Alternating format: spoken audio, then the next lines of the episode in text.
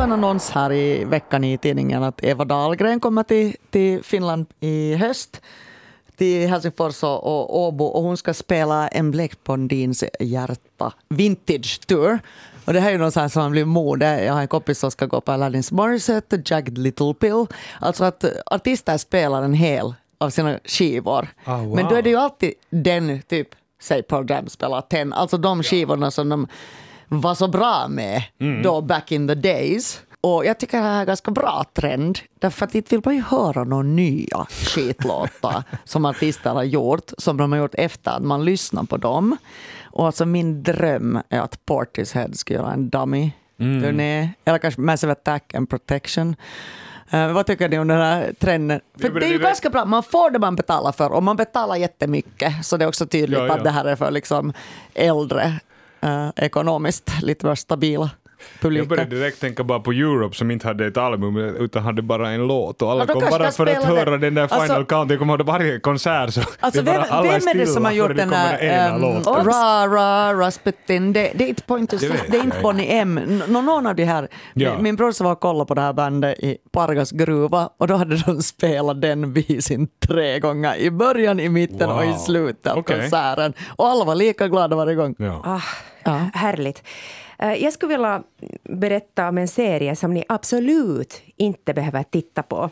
Australiensisk film med Isla Fisher i huvudrollen och den heter Wolf Like Me. Finns på Prime. Eh, jag tittade på den och det var så dåligt att jag satt min fryspizza på tvären i halsen. Först av misstag men sen på flit flera, flera gånger. För jag, jag kunde inte begripa att vad tittar jag på. Men det finns inte något så dåligt att det inte också skulle kunna komma något bra därifrån. Från den här serien Riktigt i början så fick jag nämligen den här sedelärande anekdoten som jag nu tänker berätta för er. Okej. Nämligen eh, i en scen så spelades Melody Gardot.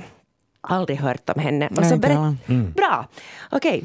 Så tänkte jag, det här är säkert någon jazzsångerska från 40-talet som man borde känna till. Men så berättades det om henne att hon blev påkörd när hon var 19 år och var ute och cykla. Och så blev hon påkörd och så blev hon på sjukhus i ett år. Hon var då 20 år gammal och hon är född 1985 i New Jersey. Och eh, hon låg där på sjukhuset, allt var eländigt, hon var ljudkänslig och ljuskänslig och hon kunde bara ligga i sängen. Och så, som en del av hennes terapi så sa en läkare att om hon skulle kunna börja humma och mumma lite och, och sjunga. Och hon började humma och mumma och ha sig och spela gitarr liggandes i sängen. Och tack vare den här terapin så blev hon sen en jag tänkte säga världskänd jazzsångerska, men nu kände vi inte till henne. Men en ganska känd. Semi. Ja, Semi- ja. Semikänd. Det sk- Semikänd. Rätt och, okänd. och, och det kan vi Nu är det alla... säkert så att alla vet henne. Ja, ja. vi. Melody Gardot, visst låter det Melody pålitligt? Gardot. Det låter som man borde Det veta vad det är. Ja. ett riktigt bra artistnamn. Ja. Ja. Men ibland är det så att livets konstiga vägar, att sånt som verkar helt hemskt leder till något.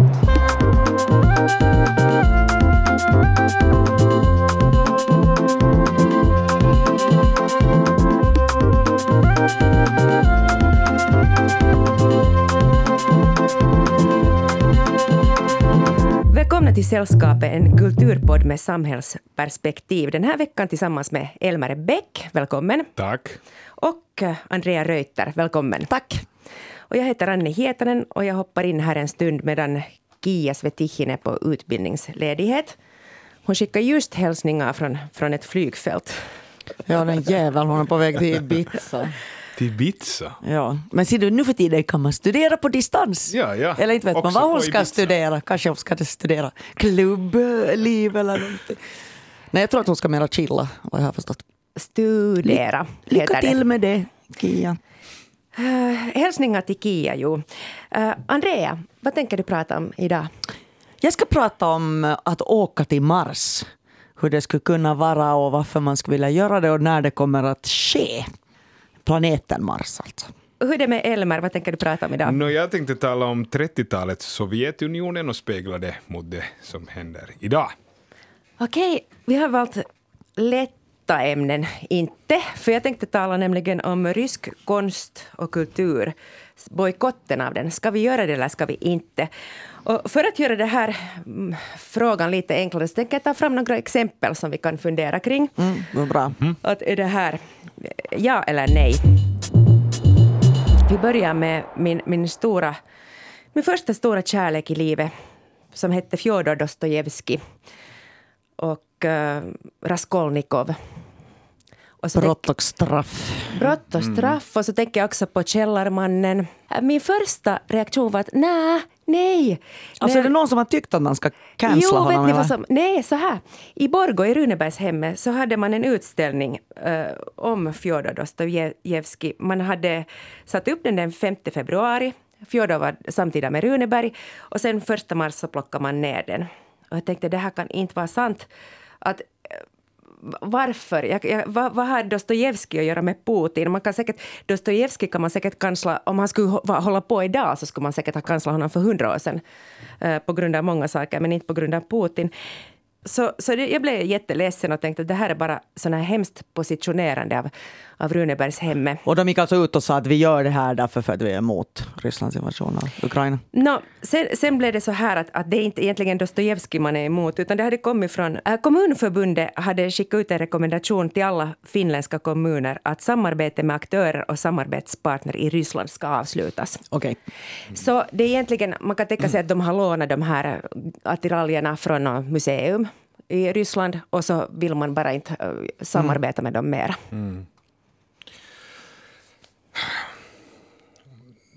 Alltså, min, min sådär initiala känsla är att jag tycker att det är ganska töntigt att börja bojkotta sånt. Jag menar om vi vill göra något på riktigt så då är det den där oljan och den naturgasen. Och så länge vi, vi håller på att ta in den så förstår jag inte överhuvudtaget vad det här är ens frågan om. Alltså okej, okay, alltså samarbete där, men de som då på ryska sidan samarbetar med, med, då, med den här Dostojevskij-utställningen Alltså för mig är det så här att om, det, om de har uttalat stött, om de uttalat stöder Putins krig så kan jag förstå. Men till och med i den stunden så skulle jag vara lite försiktig för att alltså pressen är så stor i det här landet. Men jag, jag kan alltså jag fattar inte den här idén med att man ska bojkotta allt ryskt. Jag förstår inte överhuvudtaget. Jag förstår absolut den ekonomiska grejen, men då ska man ta det där vad det tar runt. Men alltså, det är ju inte som att Putin bryr sig om att det inte är Dostojevskij på Runebergs. Nej, och dessutom spelar man in i hans ficka. För att jag menar, Putin har ju gått ut och sagt att vi vill cancella allt ryskt och vi vill cancella all rysk mm. konst. Det säger han uttryckligen. Det att vi gör det, tycker jag för mig, är det dummaste man ja, kan för göra. då är det någonting han säger som inte är en lögn. Ja, och det är helt, det är helt idiotiskt att spela in i hans ficka. Jag tror också att trollfabrikerna i Ryssland, om det är någon de kommer att pumpa på nu så är det ju motsättningarna mot, mot Ryssland, alltså inom olika samhällen, som säkert kommer att börja här också. Så att om det där gynnar någon så gynnar det Putin. För mig, jag förstår inte överhuvudtaget. Vä vänta lite, nu, nu, är jag helt, nu är jag helt vad har han sagt att han ska cancella all rysk konst? Nej, utan Putin säger att det vad väst nu vill göra är cancella jo. hela all rysk jo. kultur och rysk konst och Tchaikovsky och allt han sagt. Och sen tog han ju som exempel då Rowling. Rowling har ju sen sagt emot att tack, tack jag behöver ingen hjälp av dig Putin. Men han tog som då exempel att hur, hur Rowling har blivit cancellad. Så nu ska vi cancella ett helt folk. Det är väl alltid den här stora propagandan, eh, kan de kalla Europa för gay-Europa, liksom att det är de här hemska värderingarna som har tagit över och cancelingkulturen är ju ganska kopplad till woke-kultur mm. i våra länder. Att man cancelar människor för att de har äh, sagt något som då inte är politiskt korrekt. Um, och det kan ju ofta tycker jag går för långt också. Men, men så att det är liksom allting är på något sätt den här dekadenta västerländska äh, grejen. Och det är väl det han menar då. Men jag blir också helt liksom förvirrad för att så som jag förstår det så är det liksom de flesta konstnärer, tror jag, är emot det här kriget och har väl varit emot alla krig. Och, och så att jag förstår liksom inte, jag kan inte förstå det där. Jag tycker man måste vara lite mer intelligent än sådär. För mig är det här svårt att förstå. Ja, jag tänker också att, att eh, vi måste ju hålla isär, som du säger, alltså vad Putin och, och de som leder gör och vad det ryska folket utstår. Ja. Det är ju lika synd om, om äh, det ryska folket i den här situationen som alla andra på något sätt. Och om man då inte har någon form av inblick i alla fina saker som finns och har funnits i Ryssland, så då vänder det sig säkert enkelt hos en vanlig människa till att allt med Ryssland är dåligt. Lika med alla ryss, ryssar är dåliga. Så det, liksom, ja. det, det kan inte, endgame kan aldrig liksom vara på något sätt bra. Nej, och då spelar vi just honom i händerna. Ja. Exakt så. Mm. Det skulle vara intressant att se Ilja Repin uh, var på Ateneum ännu i höst. Att hur skulle det vara om Ilja Repin skulle ha varit nu mm. på Ateneum? Att skulle man plocka ner honom eller inte? Uh, han är dessutom också född i Ukraina. Men mm. uh, Repin ses som en tolkare av den ryska själen och han är också, det finns Repin akademin och det är liksom någonting som man kan se som ändå boostar den ryska uh, självkänslan på sätt och vis. Mm. Men inte förstår jag heller varför vi ska attackera den ryska själen. Alltså för mig är det nu helt uppenbart att det här är liksom Putins krig och de som står honom nära och de som stöder det. Alltså, vad, jag, jag har inte något emot den, den ryska själen. Varför ska vi attackera den? Nej, inte själen, inte själen utan äh, självkänslan. Vet du, det här ryska nationalism, det är allt som boostar rysk nationalism. Ja, jag tror att man måste hålla de här sakerna isär. Alltså. Ja. Men sen också en sak, alltså Putin, inte kan ingen bli Putin i ett vakuum heller. Om man tänker eh, efter annekteringen av Krim så steg hans popularitet bland folket enligt oberoende mätningar väldigt högt och den har igen stigit nu efter den här nya kriget.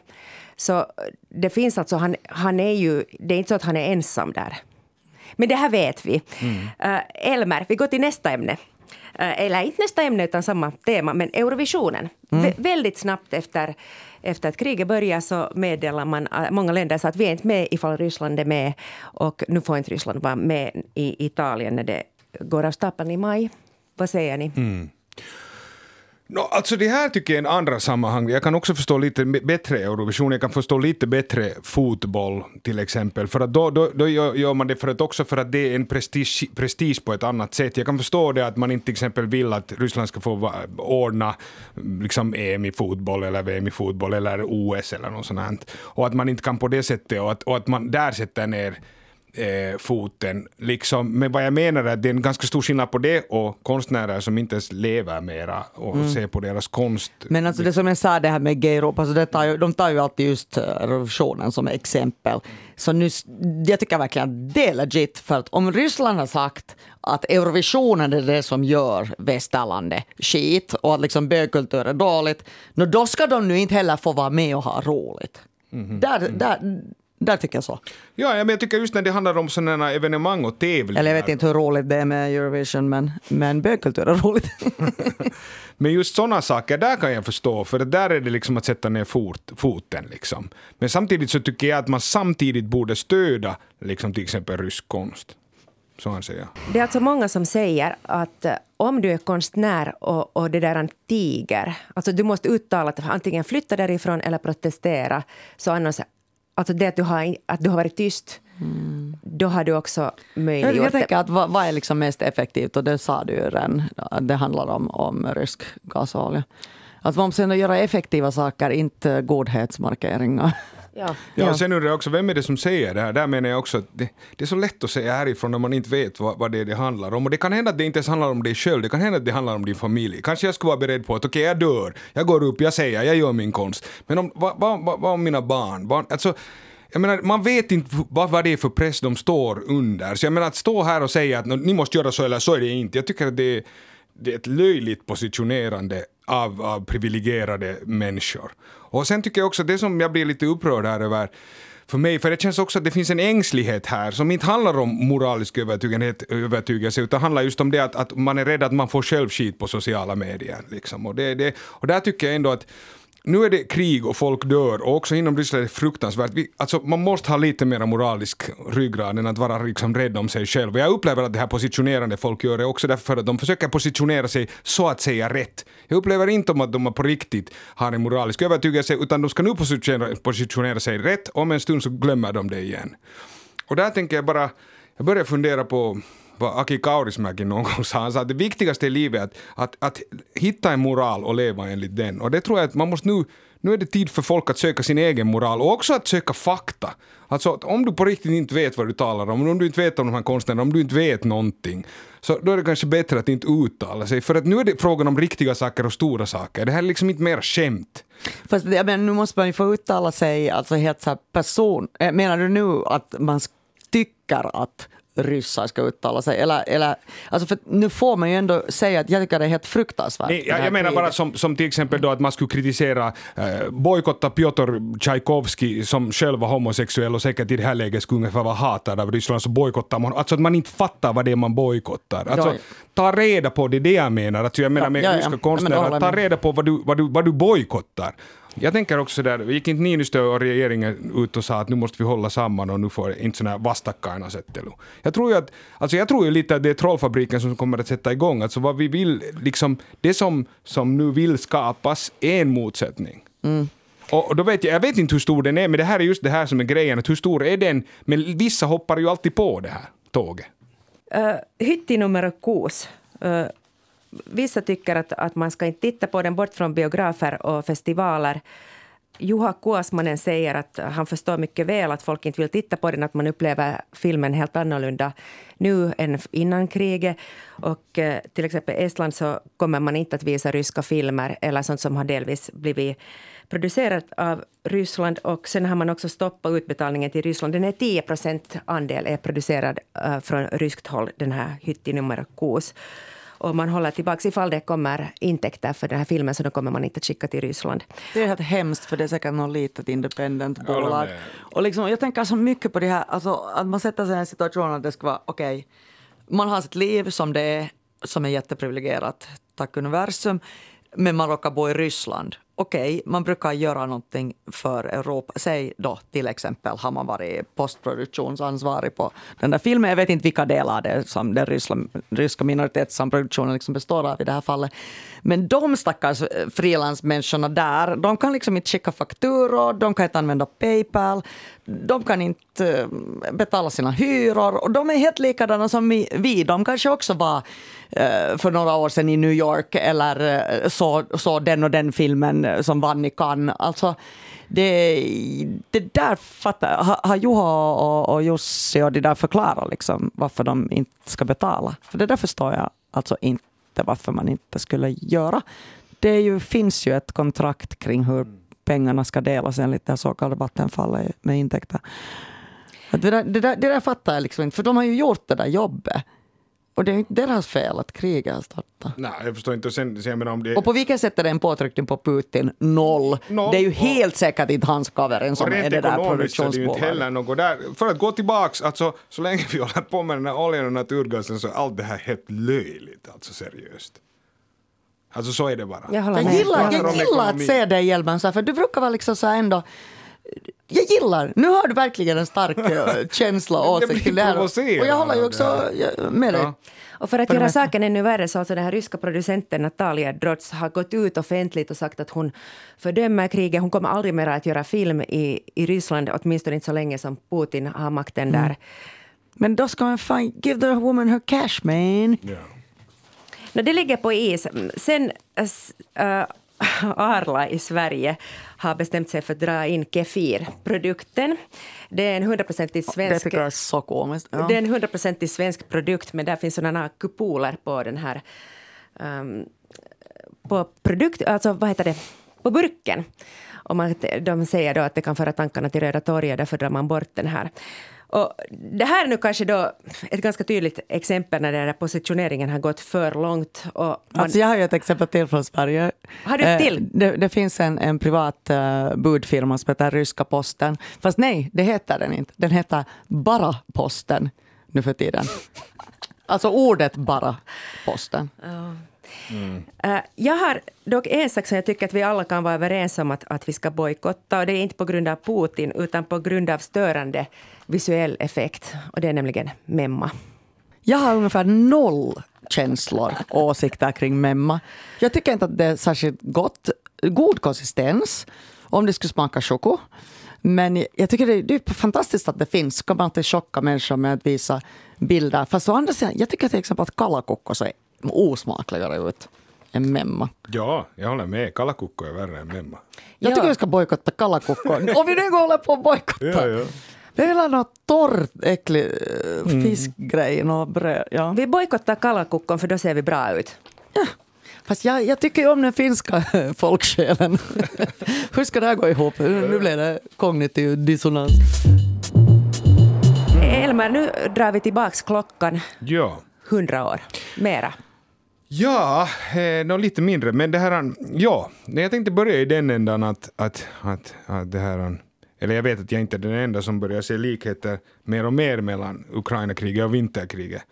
Och då menar jag att liksom hur det såg ut från början, David mot Goliat, och nu hur det har gått och att Ukraina håller emot Och hur det nu ser ut, då, då vet vi ju inte om, om de kommer, alltså allt kan ju hända, vi vet ju inte hur det tar slut, men lite som det ser ut nu är det väl då att, att de, de har gett upp på att ta Kiev och hela Ukraina, men de kommer ändå att ta delar av Ukraina så som det ser ut nu, att de skulle ändå borde. Så som vi förlorar Karelen då. Och då det här han tänkte jag att att det är ju många som har hållit på med den här jämförelsen mellan Putin och Hitler. Det har varit mycket det här Putler, åtminstone i sociala medier. Nej, jag har inte ens hört det, jag har bara sett Ja, det är många Okej. som pratar om Putler. Ah, det är liksom Hitler Putler. Men jag tror att, alltså, att, att egentligen så finns den där den här jämförelsen mycket närmare. Ja, och det är då nämligen Stalin. Och det tror jag också därför att jag tror att Putin själv ser ganska mycket på Stalin eh, och upp till Stalin också. Alltså som alla säkert vet så har Stalin nu blivit återinställd som hjälte i Ryssland de senaste åren och liksom också idén om honom är ganska positiv. Nu Han börjar ha ganska bra liksom. Men hur kan man rebranda honom på det sättet? Alltså Nå- dödar han inte 60 miljoner ryssar? Ja, ja, men jag tror att, att man, man liksom, jag tror att nu är det Så det är väl lite svårt att vara så nej han är nog sen också jättesympatisk. men han, är, han börjar bli liksom populär och man liksom talar inte om det där och man talar just om Den där lilla detaljen. Nej, man talar om just det där som vi talade om tidigare, mytbildningen kring det andra världskriget och det där stora. Och det är det som jag tror också att, att, att, att, att om man tänker när, när Ryssland och Sovjetunionen senast kändes liksom riktigt mäktigt så var säkert just i den där segeryran efter andra världskriget och sen efter det Att man hade vunnit över fascisterna. Ja, och sen efter det också när det det blev ju så väldigt stort och de fick ju så många landvinningar. Så jag tror att det är liksom, det är där liksom som också kanske Putin ser på, liksom den där senaste, det begav sig så riktigt stort. Och sen så är det ju intressant också att, att, att, att Putin liknar ju Stalin också när det gäller det här kriget, också på samma sätt att han är felinformerad. Folk vågar inte säga åt honom sanningen, för folk är rädda för hans reaktioner. Det här var ju också hemskt mycket med, med Stalin. Och sen tänkte jag på det här som jag var i alla fall inne på någon gång tidigare, det här att Putin ser sig som Ryssland. Alltså nu så, han, han känner ju att han är Ryssland personifierad. Alltså då menar jag att om du sårar Putin så sårar du Ryssland. Om du sårar Ryssland så sårar du Putin. Och, och på samma sätt så var det med Stalin och Sovjetunionen. Det finns en sån här anekdot när, när Stalin är arg på sin, sin adoptivson Artyom Sergejev för att han liksom smutsar ner Stalins namn. Och, och då sa hans adoptivson sådär, jo men jag är också Stalin. Och då sa Stalin så här, det är du inte alls, du är inte Stalin. Och han sa, inte ens jag är Stalin. Stalin är sovjetisk makt. Och det är det vad Stalin är. Och där tror jag att man liksom kan förstå lite Putin på samma sätt. Alltså, Stalin var så att säga Sovjetunionen. Men. Putin har ju verkligen missat den här jottan att han inte har någon branded mustasch. Ja, är liksom, både Hitler och Stalin har ju Ja. claimat en viss sorts... Även om Stalin kanske inte lyckades claima helt, för man kan ju också ändå tänka att det är världens sexigaste man som någonsin har levat, Tom Selleck. Ah, ja, det var den burriga mustaschen. Ja. Det är sant. Ja, förlåt. side Nej, note. ingenting, ingenting. Men det här, och sen tänkte jag också att, att Putin är ju som Stalin också i den bemärkelsen att, att folk kommer att lida mycket utanför Ryssland, men folk kommer, som du var inne på, också att lida väldigt mycket innanför Ryssland. Och det tror jag också att vi liksom emellanåt missar. Att, att, jag tror att jättemycket vad som händer med Ryssland och hur de uttalar sig alltså handlar om inri- inrikespolitik. Alltså, det handlar om inrikes, de talar hemskt mycket inåt. Och det här, och nu, nu händer det ju ändå att, att Ryssland stänger ner. Det, det talas om femte kolonnare, det talas om förrädare. Medvedev talar redan om att man ska kanske hämta tillbaka dödsstraffet. Jag vet inte hur allvarligt det var menat, men han var i alla fall inne på det. Att nu när vi inte är med i den europeiska gemenskapen så kan vi göra det. Och då får ju, det får ju tankarna ganska starkt tillbaka till till den stora utrensningen som då var tiden 1934 till 39, då främst 36 till 38. Under den här tiden så, så uppskattas att det, det avrättades mellan 950 000 och 1,2 miljoner då under den här tiden i Sovjet. Och det här um, och ännu fler som skickades på straffläger klart. Och det här är ju känt som de här skenrättegångarna och sen avrättningarna efter det. Och det här, um, man skulle egentligen då, då utrensa alla fiender till partiet och det gällde ju också såklart konstnärer. Och därför tänkte jag komma in lite nu på konsten, för att vi talade också tidigare om konst och, och hur man ska förhålla sig till rysk konst, så jag ville tala lite om det. Eh, uh, 1934 så, så, så, så kom då den här socialistiska realismen som alla då konstnärer skulle hålla sig till. Och det, det, var, då ett, det var då realism kombinerat med ett idealis, ide, idealiserande av folket och av kommunistpartiet. Och det här var då egentligen spiken i kistan för konsten i Sovjetunionen för en väldigt lång tid framöver. Och, och för mig personligen så är det så att jag bekantar mig med den här tiden i Ryssland för att då för ungefär, vad blir det då, åtta år sedan när jag förberedde mig då för att spela in filmen Eisenstein i Guanajuato, som var en film regisserad av Peter Greenaway som vi spelade in i Mexiko, där jag spelade den ryske regissören då, eh, vid namn Sergej Eisenstein. Och, och, eh, för att förbereda mig för den här filmen så läste jag mig in på ganska mycket liksom den här tiden i Ryssland, eller egentligen början av 1900-talets Ryssland före och efter revolutionen. Och det som var så otroligt med den tiden var att det var alltså konstnärligt helt fantastiskt. Alltså helt fantastiskt. Och då menar jag att, att man talar ju mycket om 1900-talets Paris, liksom början av 1900-talet, mm. men alltså shit alltså. Alltså shit den tiden i, i, i, i, i liksom Ryssland och faktiskt tidiga Sovjetunionen var liksom helt fantastisk.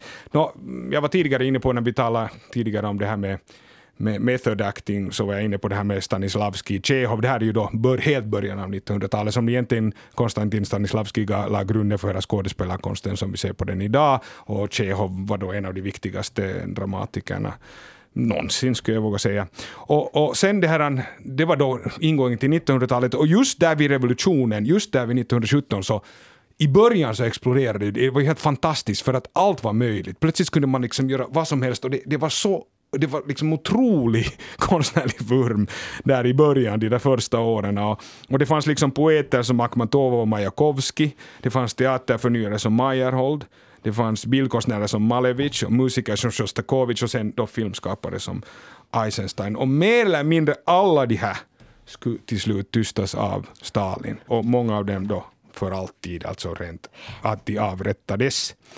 Uh, men eftersom jag, för att jag känner till historien om Eisenstein bäst av det här, så skulle jag vilja liksom lite berätta om den, lite för att illustrera hur den här tiden var under Stalin. Men Sergej Eisenstein var då en, han var en ivrig revolutionär själv, och, och han gick över från teatern till filmen då och gjorde sitt mästerverk Pansarkryssaren Potemkin år 1925 och då var han bara 27 år gammal. Och, och, och det var ju också, den var ju väldigt revolutionär, men det som han också hade var att han var liksom filmix, filmiskt experimenterande. Alltså Peter Greenaway ville också göra den här filmen för han anser att, att Eisenstein är en av de få som på riktigt gjorde film. Alltså han säger ju, Greenaway, att de flesta nu gör liksom uh, egentligen mm, bok med bilder. Berättelser med bilder och att, och att riktig film handlar om alltså liksom bilder, inte berättelser. Och det här är ett missförstånd som har förstört hela filmen. Eisenstein har ju jätte eh, eller det kan ju vara att det är annorlunda nu för tiden, men när jag pluggade filmvetenskap, och det är ju, bli, det är ju över 20 år sedan, så han hade ju en jättestor roll i, i kanon kring filmhistorien ja. och med just uh, vissa grejer med klippning som han var den Absolut. första att, att åstadkomma. Ja.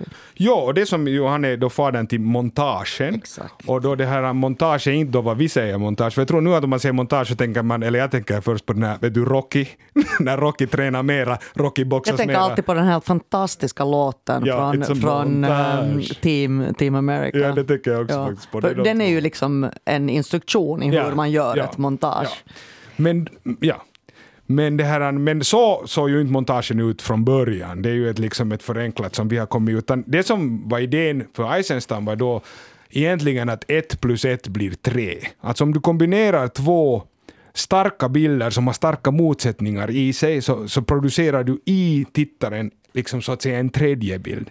Något som händer och det är ett jättestarkt grej. Jag menar, till exempel att du har något så här våldsamma vildsvin som äter och så har du spädbarn och den kombinationen. Eller massa olika. Han använde jättemycket men det var liksom det han arbetade med och skapa helt en, en, en till sak hos åskådarna. Och dessa trappan, är det Odessa-trappan? Ja, det är från pansarkryssaren. Ja, det är därifrån. Ja. Okay. En barnvagn som ja, barnvagn. ner ja, ja, ja. Det, det är liksom den mest klassiska. Ja, ja jag, tror, jag tror att ganska många känner till den. Alltså det är en scen som på riktigt skulle ta, den skulle ta många sekunder, en minut, men i filmen är den jättelång. Men ja, så att... Eh, ja, men redan då med sin nästa film, Oktober, så åkte han då på problem, för då hade Stalin tagit över makten. Och oktober handlar ju då, som titeln påvisar, om oktoberrevolutionen och blev färdig då till dess, dess tioårsjubileum. Men han fick till exempel klippa om den ganska mycket för att alla referenser från om Leon Trotskij skulle bort, för det var då Stalins nemesis och det fick inte, han fick inte vara med mera. Så redan där började det så att säga styras ganska hårt. Och Lenin hade då dött tre år tidigare, 1924, det här var då 1927. Och sen i slutet av 20-talet så reste Eisenstein då, han var då en världskänd, han reste till USA för att studera ljudfilm och han skulle också göra film där men det blev ingenting av det för att mycket för att han var kommunist och sådär. Och, det här, och sen så istället hamnade han i Mexiko och det var han då började filma filmen eh, uh, Que Viva Mexico med hjälp av den amerikanska författaren Upton Sinclair. Och det, han filmade en massa material till det här men, men det blev aldrig färdigt. Och, och det här är ju vad den filmen du var med i Ja, det här är vad den ja. filmen jag gjorde handlar om just den här tiden. Ja. Och sen efter det så då 1933 så kom han hem till, till, till Ryssland och då var han hela Sovjetunionen och då var han liksom starkt, starkt misstänkliggjord för sin tid då i väst. Och han fick inte göra någon film egentligen förrän 1938, så fem år senare. Eh, som hette Alexander Nevsky och som också var ett beställningsverk av Stalin och som då handlar om Alexander Nevsky och hur han stod upp mot de tyska korsriddarna på 1200-talet. Och det här passade bra i tiden för att 1938 så, så var Stalin då rädd för Nazitysklands framfart. Så kom den ut och allt var bra bara att sen så, så, så bestämde sig Stalin istället för att göra en non-aggressionspakt med, med Tyskland, den här Molotov-Ribbentrop-pakten och plötsligt var den här filmen ett problem så den drogs bort. Och istället så gav han som uppgift till då Sergej Eisenstein att, att regissera en opera uh, baserad på Richard Wagners Valkyrien. Och då ska man komma ihåg att, alltså att, att uh, Sergej Eisenstein var jude, det här var under Nazitysklands framfart och alltså Richard Wagner var uttalad antisemit. Så att, och Hitlers favorit. Mm. Ja. Så att jag menar, här, det här handlar om direkt sadism från Stalins sida, helt klart. Nåja, så det fick han göra. Nå, men sen så anfaller ju Tyskland Sovjetunionen då 1941 och då, då är det tid att släppa filmen igen. Då kommer Alexander Nevsky tillbaks och, och ges ut och blir stor succé och nu är det igen jättebra. Nåja. Efter krigsslutet då så gör Eisenstein en film om Ivan den förskräcklige och det skulle då bli en trilogi. Första kommer ut, Stalin tycker jättemycket om, om den andra Ivan den förskräcklige, den andra filmen lönar sig faktiskt att kolla på för det är ganska hojsigt för att det är ganska uppenbart att det är en stark kritik mot Stalin. Alltså jag upplever att det, det är Eisensteins liksom slag mot Stalin. Den kom ju inte heller ut förrän tio år senare, långt efter Stalins död. Han skulle göra en tredje film, men den blev aldrig av och jag tror att materialet förstördes. Nåja, kort därefter, år 1948, så dör då Sergej Eisenstein av en hjärtattack, 50 år gammal. Jag undrar på. Jag har haft lite stress. Och, det här, och då kan man ju säga att Sergej Eisenstein var då en av de mest revolutionerande filmskaparna i alla tider. Och, och vem vet, vem vet vilka filmer vi skulle ha fått av honom. Vem vet vilken filmkonst han skulle ha skapat om han inte skulle ha om han skulle ha fått göra det vad han verkligen ville. Och nu fick han ju istället skapa då, skapa då sina filmer inom väldigt stränga ramar för att tillfredsställa Stalin. Sen finns det också väldigt starka indicier på, på, på Eisensteins homosexualitet som också den här filmen gjorde handlar om. Eh, men på grund av stämningen i Stalins Ryssland så var det alltså omöjligt för honom att leva ut det och istället så fick han leva i ett kulissäktenskap tillsammans med sin goda vän Pera Atasheva till sin död. Och det, det här gäller ju också för övrigt för en annan rysk ikon som vi var inne på tidigare, för Piotr Tchaikovsky. Och om ni kommer ihåg, så lite innan övertag, övertagandet av Krim 2014 så började det stramas åt igen i Ryssland. Och det kom nya regler om, om vad man fick göra, till exempel på en teaterscen, man fick inte svära och sådana grejer. Och då blev det också, blev det plötsligt liksom det här förföljande av homosexuella kom igen på agendan och blev starkare och starkare. Så min poäng nu, min hela poäng med det här, är det att om man till exempel boy skulle komma på idén att bojkotta Eisenstein för att man är emot Putin, så är det ju total, total vansinne. Det är totalt vansinne. Och Eisenstein, den här historien om Eisenstein, jag tog den bara därför att det var den jag kan, kunde bäst, men det är blott en av historierna av, av hundratals av de här konstnärerna som har blivit krossade under det här under då Sovjet och, och säkert nu kommer det hända under Putin. Så vad jag menar är att för mig är det viktigt att säga ja, jag älskar rysk konst och nej, Putin är inte Ryssland. Andrea, du har funderat på, på resor. Inte i Alperna, men no, no, ännu längre bort. Ja, när, man, när vi funderar på vad som pågår här nere på jorden så ibland tänker man att man vill slippa det. Och, och det finns många som tycker det, men en av de största förespråkarna är ju Elon Musk som, som tycker man ska åka till Mars. Um, I um, senaste numret av Vanity Fair så, så var det en intervju med Grimes som är en musiker och också då babymamma till Elon Musks uh, barn. Uh, hon blir intervjuad um, där. Och det finns massor intressant i den där, eh, den där reportagen. Det var ganska omtalat därför för att under eh, intervjun så hör journalisten en baby som skriker. Och så frågar hon att vad är det där för ljud? Och så säger Grimes, det är min dotter. Så då visar det sig alltså att hon har fått ett till barn, eller det är fött med surrogatmamma, men det är alltså hon och Elon Musk som är föräldrar till den här flickan som heter Y. De har ju då en son som heter något outtalbart men kallas X från tidigare. Så det är ganska spännande att tänka så att ja, det, jag blir nog säkert inte fast för det här att den här bebisen kan vara i ett annat rum, men sen så skriker den. Nåja, men det som jag fastnade för i den här eh, intervjun var just att de pratar ganska mycket om koloniseringen av Mars.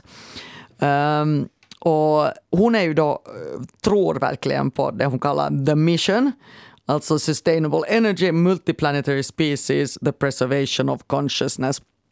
Hon tänker ganska lika som den här Elon Musk uh, kring vad uh, mänsklighetens nästa steg då liksom är. Um, och så pratar de om att skulle hon själv vilja flytta till Mars och så säger hon jo att, att, att, att jag kanske drar när jag är typ 65 och hon har också skrivit på Instagram att hon är redo att dö med den röda jorden av Mars under sina fötter. Och, och hon säger också att ja, det kommer säkert inte att vara värst trevligt och det kommer definitivt att innebära en tidigare död än på jorden. Men um, att jag gör hellre någonting som är omöjligt och kanske kommer att, att misslyckas än att just keep releasing cute pop songs. Uh, sen en annan grej som jag fastnade för i den här intervjun var att, att Elon Musk, eh, när hon var gravid med hans första barn, alltså han hade ju nog, alla vet ju om att han vill fara till Mars, men att han hade så lite casually varit sådär, ja ja sen är jag far till Mars om tio år. Och man va? Om tio år? Liksom, att, kan du inte vänta lite? Men det finns ju ingen idé att förklara vem Elon Musk är, för det vet alla. Han är den här mega-entreprenören bakom Tesla och så har han då också eh, en, ehm, eh, ett företag som, som sysslar med rymdfärder som heter SpaceX som grundades 2002. Och, och de har flera olika projekt, bland annat kommersiella rymdresor som bara är att man då åker upp och, och så kommer man tillbaka. Man kan säga att man har varit i rymden, men de jobbar ju också på det här då med att kolonisera planeten Mars. Så här har också Elon Musk varit helt um, öppen med att det är det att han vill fara till Mars innan han själv dör. Och han är väl nu kanske lite under 50 eller, eller sånt, något sånt här. Och, och alltså då megarik förstås, miljardär. Och, och man måste också säga att det här finansieras ju av hans egna egna pengar. Det här. Men så var jag inne på deras sajt och tittade och då står det så här under det här Human Space Flight Mars. You want to wake up in the morning and think the future is going to be great. And that's what being a spacefaring civilization is all about. It's about believing in the future and thinking that the future will be better than the past. And I can't think of anything more exciting than going out there and being among the stars ett citat av Elon Musk. Nå, jag kan säga att well, I can think of something more exciting, saving planet Earth. Men mm, där så står det också då liksom argumenten för varför är det just då liksom Mars som man skulle kolonisera. Och det är därför för att dygnet är nästan exakt lika långt som på jorden. 24 timmar och 37 minuter. Och, och människan har ju en biologisk klocka som är inställd enligt uh, uh, timmarna Eh, ett dygns eh, timmar här, här på jorden. Och eh, den ligger också, mm, den ligger hälften så nära solen som jorden och den har en atmosfär som kan på något sätt ändå användas till odling bara man kompressar atmosfären. Jag vet inte exakt vad det här betyder. Och gravitationskraften är 38 procent av jordens, så det betyder att man kan liksom lyfta tunga objekt och lite så hoppa omkring där. Och det tar bara sex månader att ta sig dit. Eh, och då är det alltså eh, varannat år så är jorden och Mars så nära varandra att det finns ett sånt här liksom narrow window så att man kan åka dit då. Eh, så det är också den takten som de här färjorna skulle fara. Det är när det här tvåårs eh, att, att åka där. Och kostnaden är ju givetvis enorm eh, med allting det här. Men, men Musk har då ändå själv sagt att, att han har inte gett någon tidsgrej för det här, men att det ändå i något skede, och jag antar att han talar om sin egen livstid, så vilket betyder då liksom vår livstid, peppa peppa, så skulle det inte vara så dyrt. Att det skulle kanske kosta så här 200 000 kanske till och med så lite som 100 000 dollar eller euro, det är ungefär samma. Så att en människa som lever i en så, ett sånt samhälle som vi, som kanske då har liksom köpt en lägenhet och betalat av den, kan helt bra sälja den och pensionera sig genom att, liksom, att flytta till Mars när man har pensionerat sig. Och sen en, ännu en detalj. Eh, Musk eh, twittrade i mars att han eh, förväntar sig att den första bemannade rymdfarkosten till Mars kommer att vara 2029. Så om sju år.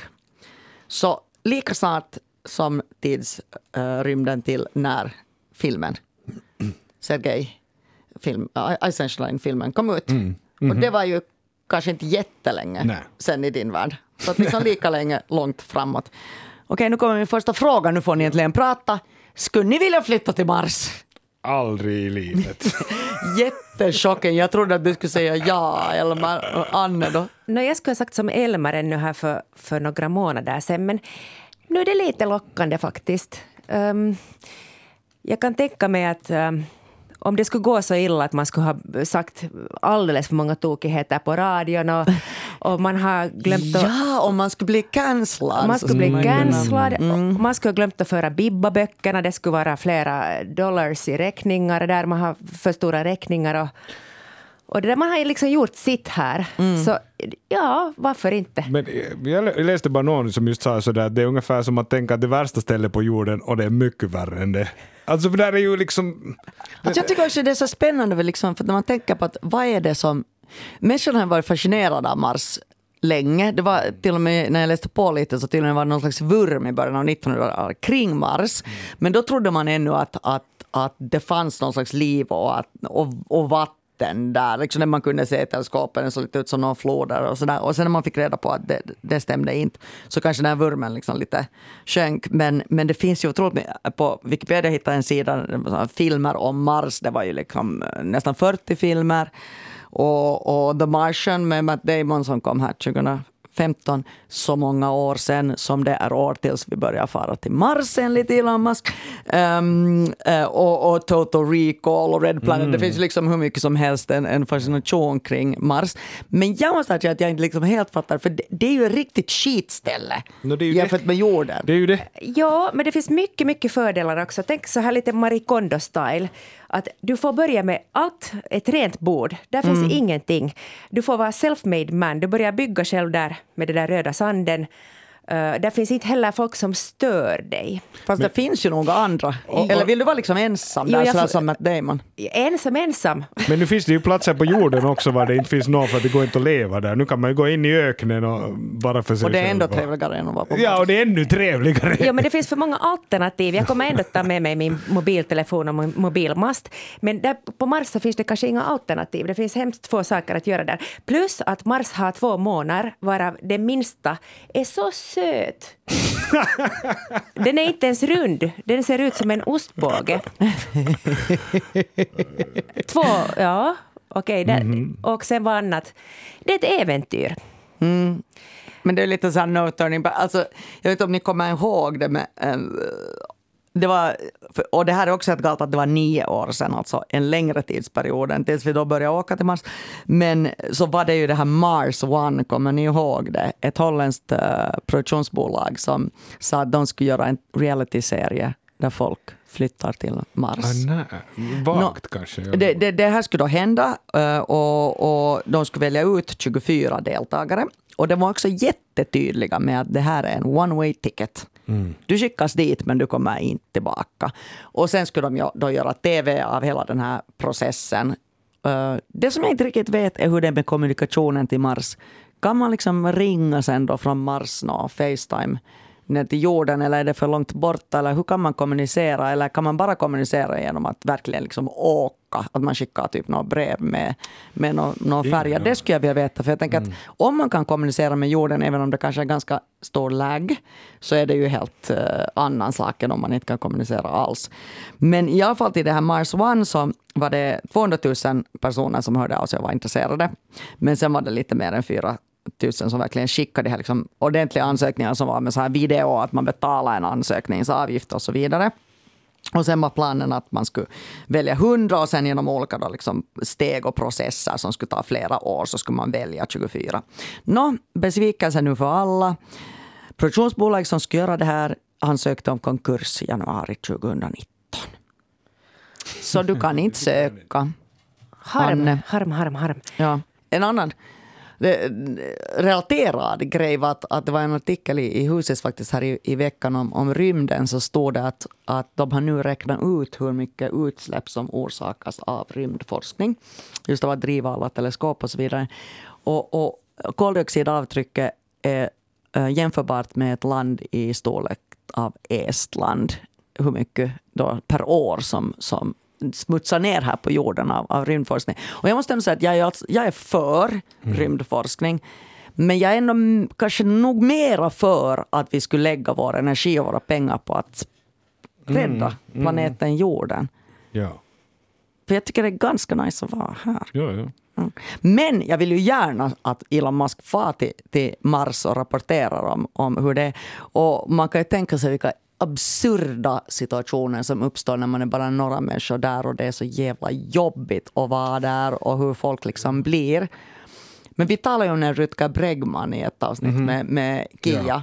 Så det kanske är verkligen så. Alltså han har skrivit en bok som i princip är att rebranda mänskligheten som god istället för ond och som hjälpsam istället för konkurrerande och så vidare. Um, så att till exempel har han ju då debunkat det här Flugornas herre-scenariot för det finns ett sånt där det visar sig att de bara samarbetar och det gick jättebra. Så att det skulle nog vara ganska spännande att se vad det skulle hända där på, på ja. Mars.